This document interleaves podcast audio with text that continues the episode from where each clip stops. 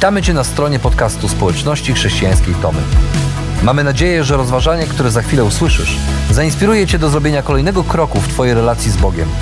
Bo w naszej społeczności zapraszamy wszystkich do relacji z Chrystusem, który zmienia wszystko. Dziękujemy za Twoje zainteresowanie i zapraszamy Cię do polubienia naszego profilu na Facebooku, Instagramie i YouTubie oraz ściągnięcia darmowej aplikacji na smartfona. Dobrego słuchania.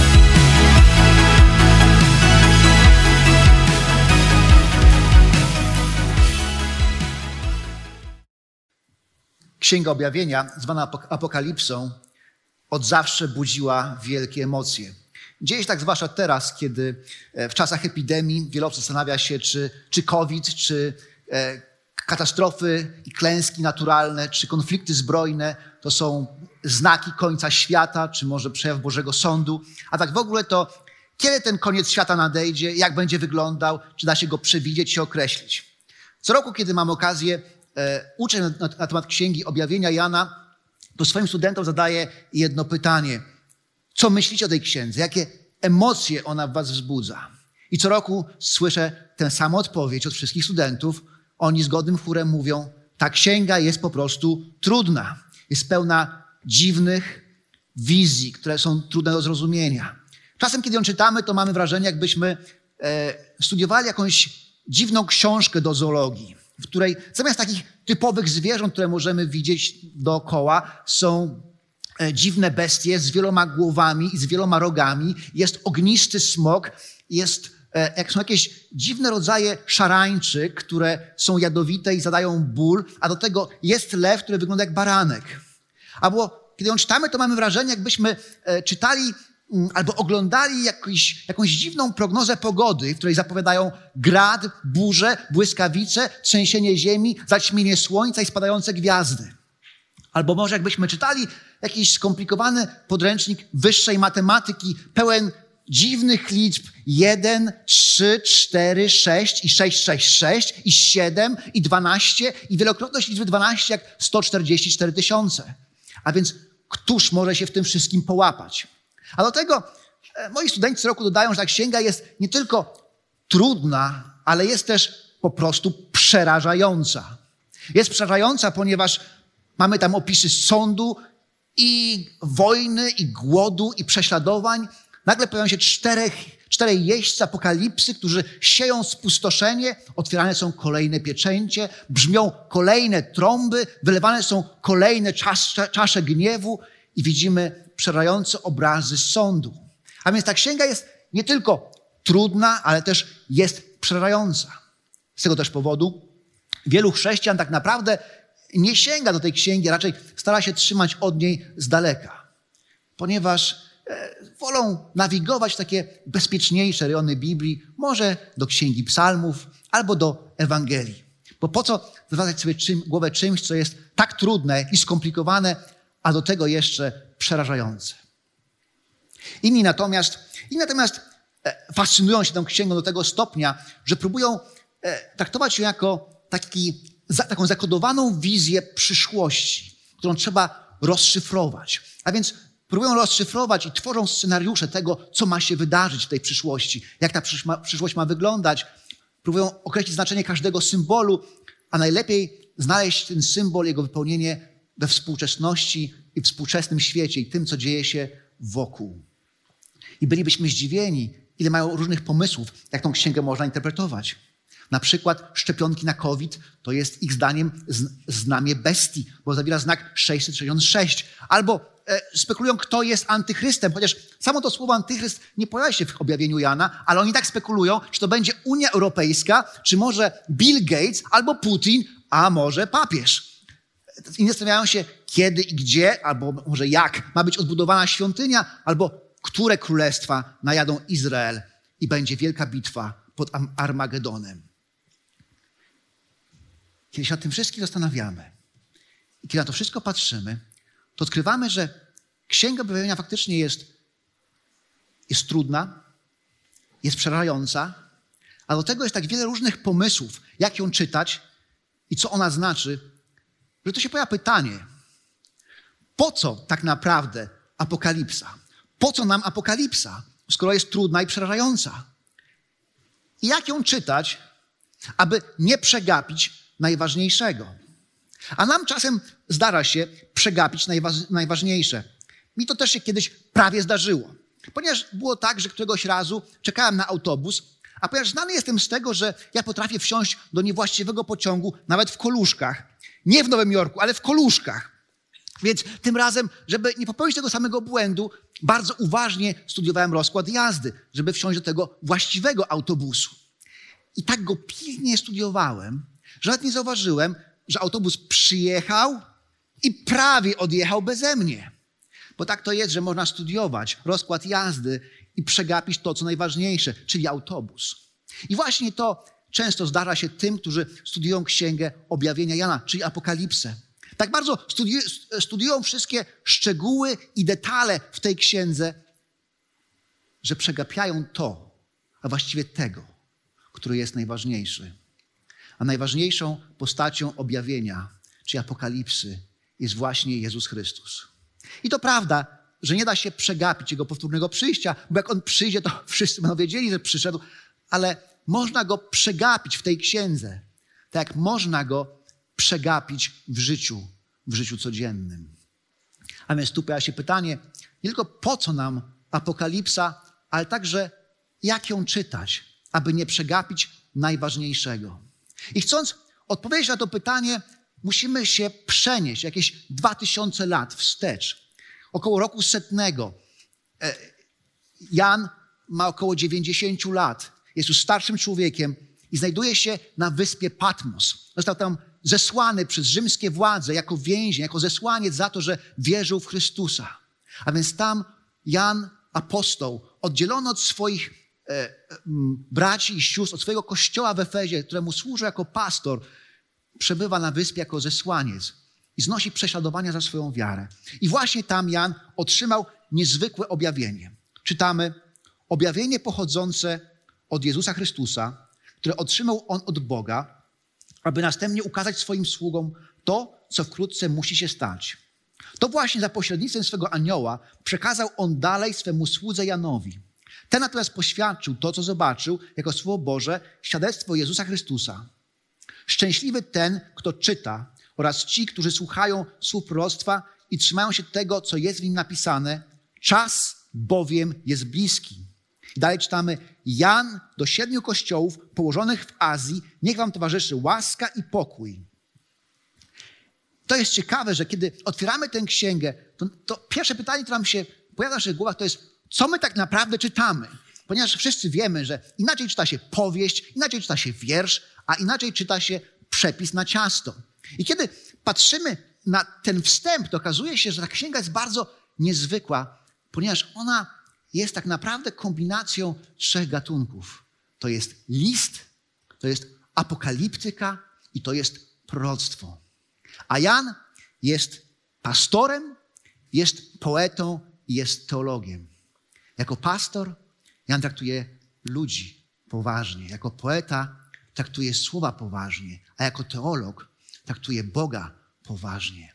Dlatego Jan jako pastor pisze list. I być może nigdy nie myśleliśmy o księdze objawienia jako o liście, ale zobaczcie, jak ona się zaczyna. Jan do siedmiu kościołów położonych w Azji, niech wam towarzyszy łaska i pokój. Brzmi zupełnie znajomo, tak? A Paweł apostoł do świętych w Efezie. I ten, ta księga zaczyna się jak list i kończy się pozdrowieniami jak list, a więc ona nie tylko zawiera listy do siedmiu kościołów, ale cała jest listem.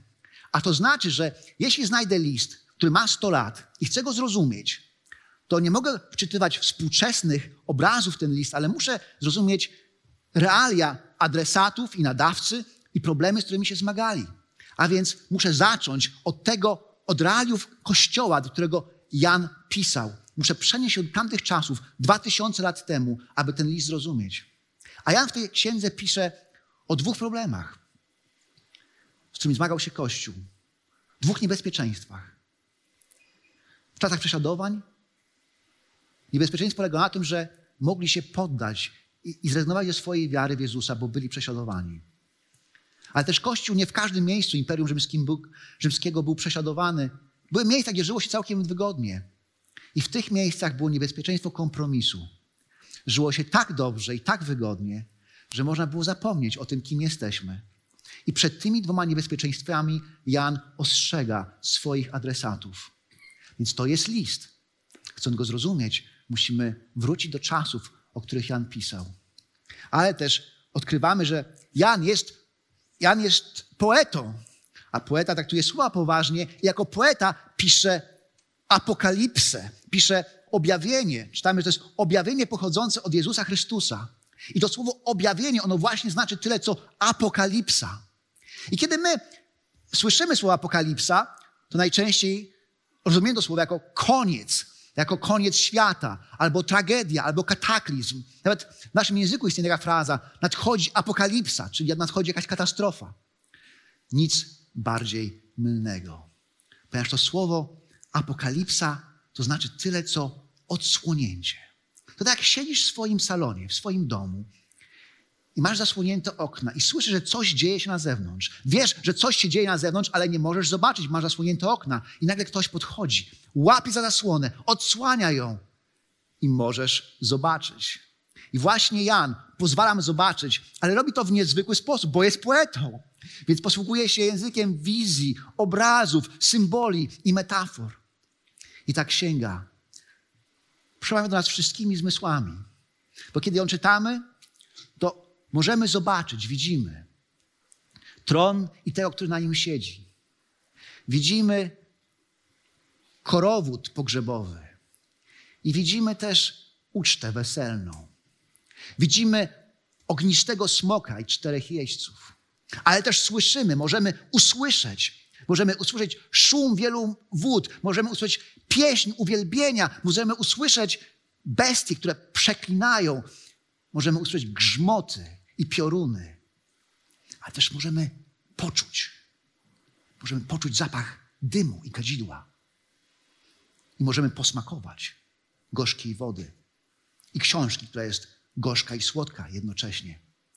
Bo Jan jest poetą i posługuje się językiem obrazów i metafor, a obrazów i metafor nie czytamy dosłownie, bo one mają pobudzić naszą wyobraźnię. A więc ta księga jest, jest listem, jest apokaliptyką czy apokalipsą i też czytamy, że ona jest proroctwem, bo Jan mówi, że szczęśliwie ten, kto czyta oraz ci, którzy słuchają słów proroctwa i trzymają się tego, co w nim jest napisane, czas bowiem jest bliski. I my, kiedy myślimy o prorokach, to myślimy sobie, że oni mieli przepowiadać przyszłość. I to prawda, że oni często mówili o przyszłości, ale cel, celem proroków było uczenie ludzi, jak żyć tu i teraz. Było przekazywaniem Bożego Słowa na tu i teraz, aby żyli inaczej. I taki właśnie jest cel tej księgi. Jan przypomina, czas jest bliski, po to, abyśmy żyli w gotowości każdego dnia, dzisiaj, tu i teraz. A więc Jan pisze list, pisze apokaliptykę i pisze proroctwo, aby pokazać nam, jak żyć tu i teraz. I to wszystko, co pisze, nazywa Bożym Słowem. A więc to, co naprawdę Jan mówi do nas, to hej, nadszedł czas, aby na nowo posłać Bożego Słowa, aby żyć inaczej. I to zmienia naszą perspektywę na życie. Kiedyś na pewnym uniwersytecie chrześcijańskiej uczelni, e, po zajęciach studenci teologii postanowili pograć sobie w kosza. No i grali w kosza i siedział tam woźnik, który pilnował ich aż skończą, żeby potem zamknąć salę. No i siedział, aż nie miał nic do roboty, więc czytał Biblię. Jeden ze studentów, grając w kosza, podchodzi i pyta się, ej, co czytasz? Czytam objawienie Jana. A rozumiesz, co czytasz? Pewnie, że rozumiem. On mówi, no to powiedz mi, o czym ta księga jest? Zaintrygowany student pyta, co woźny może o tym powiedzieć? A woźny mówi, wiesz, świat pogrąża się w chaosie, a na końcu przychodzi Jezus i zwycięża, więc warto być gotowym. Nie jest to złe streszczenie Księgi Objawienia. A więc po co nam Apokalipsa? I jak ją czytać, aby nie przegapić tego, co najważniejsze? Jan chwyta za zasłonę i odsłania ją przed nami, a my odkrywamy, że Apokalipsa uczy posłuszeństwa Jezusowi i Jego Słowu, bo tylko ono zmienia perspektywę na życie. I kiedy patrzymy na Apokalipsę, to faktycznie okazuje się, że ona zmienia naszą perspektywę na życie, że uczymy się gotowości i życia w oczekiwaniu na powtórne przyjście Jezusa. Ale też Jan maluje przed nami niesamowity obraz. Obraz Boga, który jest Trójcą. I dalej czytamy. Jan do siedmiu kościołów położonych w Azji, niech towarzyszy mu łaska i pokój. Darzy nimi ten, który jest, który był który nadchodzi. Siedem duchów, które są przed Jego tronem oraz Jezus Chrystus, wierny świadek, pierwszy zmartwychwstały i władca królów ziemi. Jan mówi, maluje przed nami obraz Boga, który siedzi na tronie, który jest alfą i omegą i, ten, i Boga, który, który był, który jest i który nadchodzi.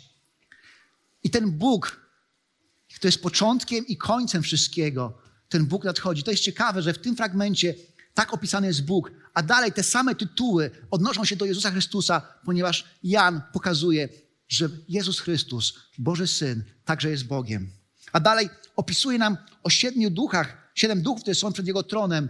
I wielu biblistów jest zdania, że to jest właśnie obraz Ducha Świętego w całej pełni, nawiązanie do księgi Zachariasza. A potem pisze o Jezusie, który jest świadkiem wiernym, który jest pierwszym zmartwychwstałym, ponieważ On przez swoje zmartwychwstanie jest zapowiedzią naszego zmartwychwstania. Zapowiedzią tego, że nadejdzie nowy świat, nowe stworzenie, w którym nie będzie już śmierci, nie będzie już bólu. I On jest władcą królów ziemi. Jan pisze, że to właśnie ten Bóg, ten jedyny Bóg, jeden Bóg w trzech osobach, Bóg Ojciec, Syn i Duch Święty. On jest tym, który darzy pokojem i łaską, czyli daje łaskę i pokój w każdym czasie i w każdym momencie swojemu Kościołowi. A jak to robi? Przez Jezusa Chrystusa i przez to, czego Jezus dla nas dokonał. Bo dalej czytamy, temu, który nas kocha i który za cenę swojej krwi uwolnił nas od naszych grzechów, uczynił nas królestwem i kapłanami Boga, swojego Ojca, Jemu niech będzie chwała. Do Niego należy moc na wieki. Amen. Oto nadchodzi wśród obłoków, ujrzy Go każde oko, również ci, którzy Go przebili. Opłakiwać Go będą wszystkie plemiona ziemi. Tak, amen. Ja jestem alfą i omegą, mówi Pan Bóg, który jest, który był i tu nadchodzi, wszechmogący. Oto Jan opisuje Chrystusa i w fascynujący sposób posługuje się czasem przeszłym, teraźniejszym i przyszłym, bo mówi temu, który nas kocha. Jezus nas kocha ciągle, kocha nas teraz. Kocha nas bez względu na to, kim jesteśmy i co zrobiliśmy, jak bardzo mamy skomplikowane historie życia. Ale dalej pisze, że On umarł za nas i uwolnił nas od naszych grzechów. Uwolnił czas przeszły. On umarł za nas po to, aby dać nam nowy początek i uczynił nas królestwem i kapłanami Boga. To są obrazy wzięte z księgi Eksodus, bo tak Bóg opisywał swój lud, kiedy wychodził z Egiptu, że oni są Jego królestwem, Jego kapłanami. Bo jak kapłani wskazują innym na Boga, tak oni mają wskazywać innym narodom na Boga. A tu Jan pisze, że my jesteśmy Jego nowym ludem, którzy kiedyś byli niewolnikami grzechu, a teraz mamy przywilej wskazywać innym ludziom na to, kim jest Jezus Chrystus. I dalej Jan pisze, że Jemu niech będzie chwała. Czas przyszły, ponieważ zobaczymy Go pewnego dnia w całej chwale, bo jak Jan pisze, On nadchodzi. On jest już w drodze. Czas jest bliski, a kiedy przyjdzie, to zobaczą Go wszyscy. I znowu czas przyszły. Wszyscy Go zobaczą. A więc Jan tak naprawdę pokazuje, że Bóg ma plan dla tego świata. I Bóg ma też plan dla każdego z nas. I każdy z nas może znaleźć się w tym planie i może tego planu doświadczyć. I to prawda, że żyjemy w trudnych czasach. I to prawda, że czasami zmagamy się z trudnościami w swoim osobistym życiu. I czasem myślimy sobie, czy moje życie ma sens i czy jest na co czekać. Pamiętam, kiedy pierwszy raz w życiu byłem w szpitalu, żeby uprzyjemnić sobie ten pobyt i jakoś, żeby czas szybciej płynął, to na mojej szafce e, szpitalnej leżała cała sterta książek ku rozpaczy siostry oddziałowej. I te książki czytałem, a jedną z nich była, e, był podręcznik teologii. I mój ulubiony rozdział w tym czasie to był ostatni rozdział, który mówił o czasach ostatecznych. Od tamtego czasu tego mojego pierwszego pobytu w szpitalu, moje zwyczaje się nieco zmieniły.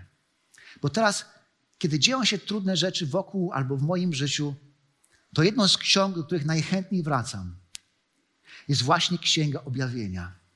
Bo ona przypomina mi o tym, że Jezus mnie zbawił, że Jezus mnie kocha i że On przygotował dla mnie przyszłość, że On nadchodzi, On jest już w drodze. A więc po co nam apokalipsa? I jak ją czytać, aby nie przegapić tego, co najważniejsze? Jan chwyta za zasłonę i odsłania ją przed nami. I my widzimy, że apokalipsa uczy wdzięczności Jezusowi, bo On umarł, aby przebaczyć naszą przeszłość, zmienić naszą teraźniejszość i dać nam nową przyszłość. I właśnie tam, na wyspie Patmos, zesłany przez rzymskie władze, przez cesarza, Jan, zamiast skupiać się na swojej sytuacji i swoim cierpieniu, na, na tym, jak Rzymianie prześladują Kościół, jakie to jest niesprawiedliwe i przykre i trudne. Jan, zamiast skupiać się na tym wszystkim, skupia się na kimś zupełnie innym. On skupia swoją uwagę na Jezusie. I tam otrzymał od anioła wizję Jezusa. To nie jest wizja tego, jak Jezus wygląda naprawdę, ale to, kim On jest, jaki On jest. I ta wizja była zdumiewająca. I dalej czytamy, obróciłem się, aby zobaczyć, od kogo pochodzi głos, który do mnie przemawia, spostrzegłem siedem złotych świeczników. Pomiędzy świecznikami stał natomiast ktoś przypominający syna człowieczego. Ubrany był w szatę długą aż do stóp. Na piersiach miał złoty pas. Jego głowa i włosy lśniły jak biała wełna lub jak śnieg, a jego oczy jak płomień ognia. Stopy miał podobne do roztopionego mosiądzu, jakby rozżarzonego w piecu, a jego głos przypomniał szum potężnych wód. W swojej prawej dłoni trzymał e, siedem gwiazd. Z jego ust wychodził ostry, obosieczny miecz, a jego twarz lśniła jak słońce w pełnym blasku. Oto Jan odwraca się i widzi Chrystusa, który stoi pomiędzy siedmiu świecznikami, które, jak dalej opisuje, są obrazem siedmiu kościołów. I ten opis Chrystusa, który znajdujemy, jest echem proroc Starego Testamentu, a dokładniej opisów, które znajdujemy w Księdze Daniela, opisów Boga siedzącego na tronie, Syna Człowieczego i jednego z posłańców Boga, którzy obwieszczali Boży Sąd. Jak Daniel zapowiadał, że będzie taki dzień w historii świata, kiedy Bóg wkroczy w dzieje swojego ludu, aby ratować, aby pano- kazać swoje panowanie i aby sądzić. To to wszystko wydarzyło się i spełniło się w osobie Jezusa.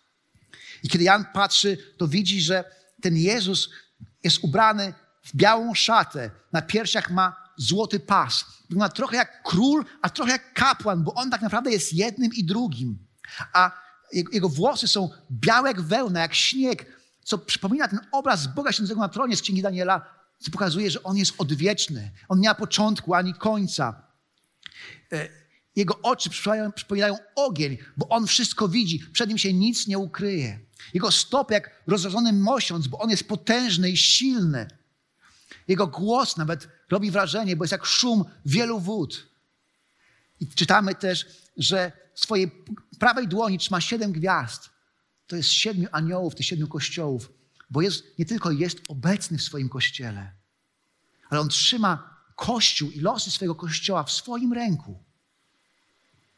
A potem Jan pisze, że z jego ust wychodzi obosieczny miecz, bo jego słowo ma moc. I on tym słowem pokona zło pewnego dnia. A jego twarz jest pełna chwały i majestatu. I taki obraz widzi Jan w czasach, kiedy cesarz nazywał się panem i królem, kiedy kazał się nazywać Bogiem i kiedy wydawało się, że nie ma większej władzy niż władza cesarza. Jan widzi prawdziwego króla, prawdziwego pana i władcę. Jezusa, który jest kapłanem i zbawicielem i królem wszystkiego. Jednak w tym wszystkim najbardziej zdumiewające, zdumiewające jest to, w jaki sposób Jan zareagował na tę wizję Chrystusa. poczytamy, gdy go zobaczyłem, padłem mu do stóp jak martwy, a on położył na mnie swoją prawą rękę i powiedział: Nie bój się. Ja jestem pierwszy i ostatni i żywy. Byłem martwy, lecz teraz żyję na wieki wieków. Mam też klucze śmierci oraz świata umarłych. Dlatego opisz to, co widziałeś, to, co jest oraz to, co ma się stać potem. Ten Jan, który spędził trzy lata z Jezusem, który chodził z nim na ryby, który jadał z nim posiłki, który słucha jak naucza, który przygląda się jak czyni cuda, który w czasie ostatniej kolacji, ostatniej wieczerzy usiadł blisko Jezusa i położył swoją głowę na nim, dosłownie przytulił się do niego. Był tak blisko z Jezusem i tak dobrze go znał. I tak się bezpiecznie czuł w jego obecności. Teraz, kiedy go zobaczył takim, jakim on jest, padł na twarz jak martwy. Padł na twarz, oddając mu chwałę. Padł na twarz, bo odkrył jego wielkość, jego potęgę, jego chwałę i majestat, które wcześniej były przysłonięte przez jego człowieczeństwo. Jan zobaczył Jezusa jako Pana i Króla, jako władcę.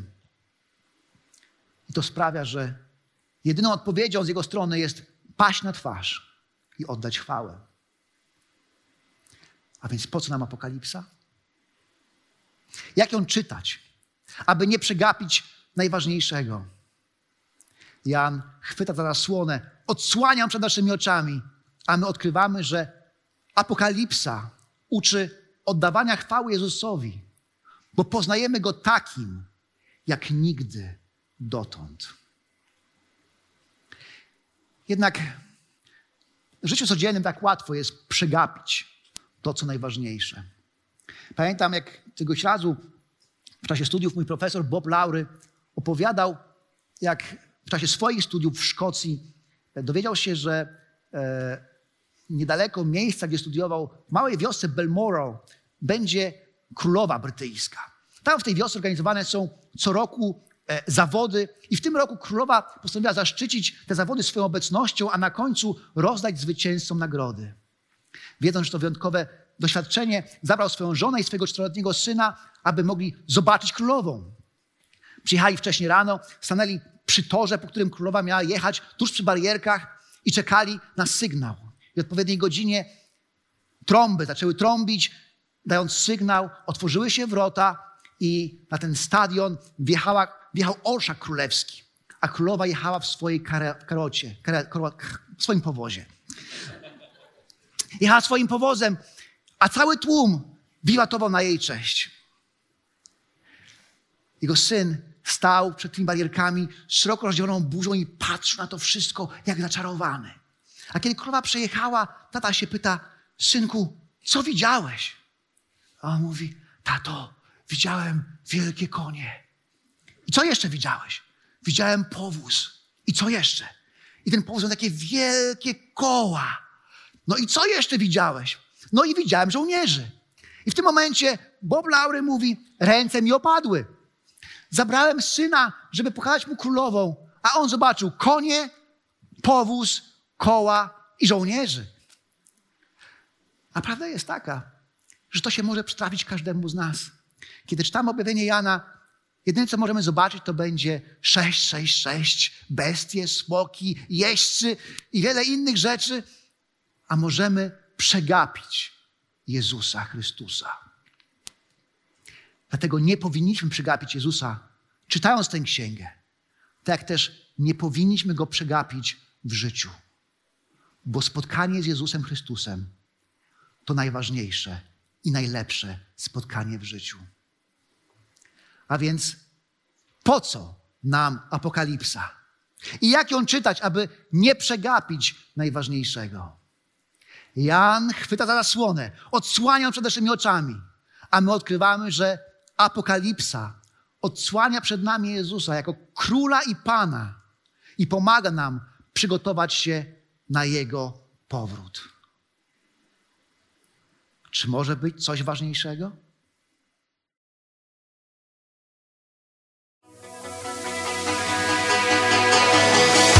Jeszcze raz dziękujemy za wysłuchanie naszego rozważania. Jeżeli mieszkasz w okolicach Tomaszowa Mazowieckiego lub Łodzi, zapraszamy Cię do odwiedzenia nas na niedzielnym nabożeństwie. Więcej informacji znajdziesz na stronie schatomy.pl.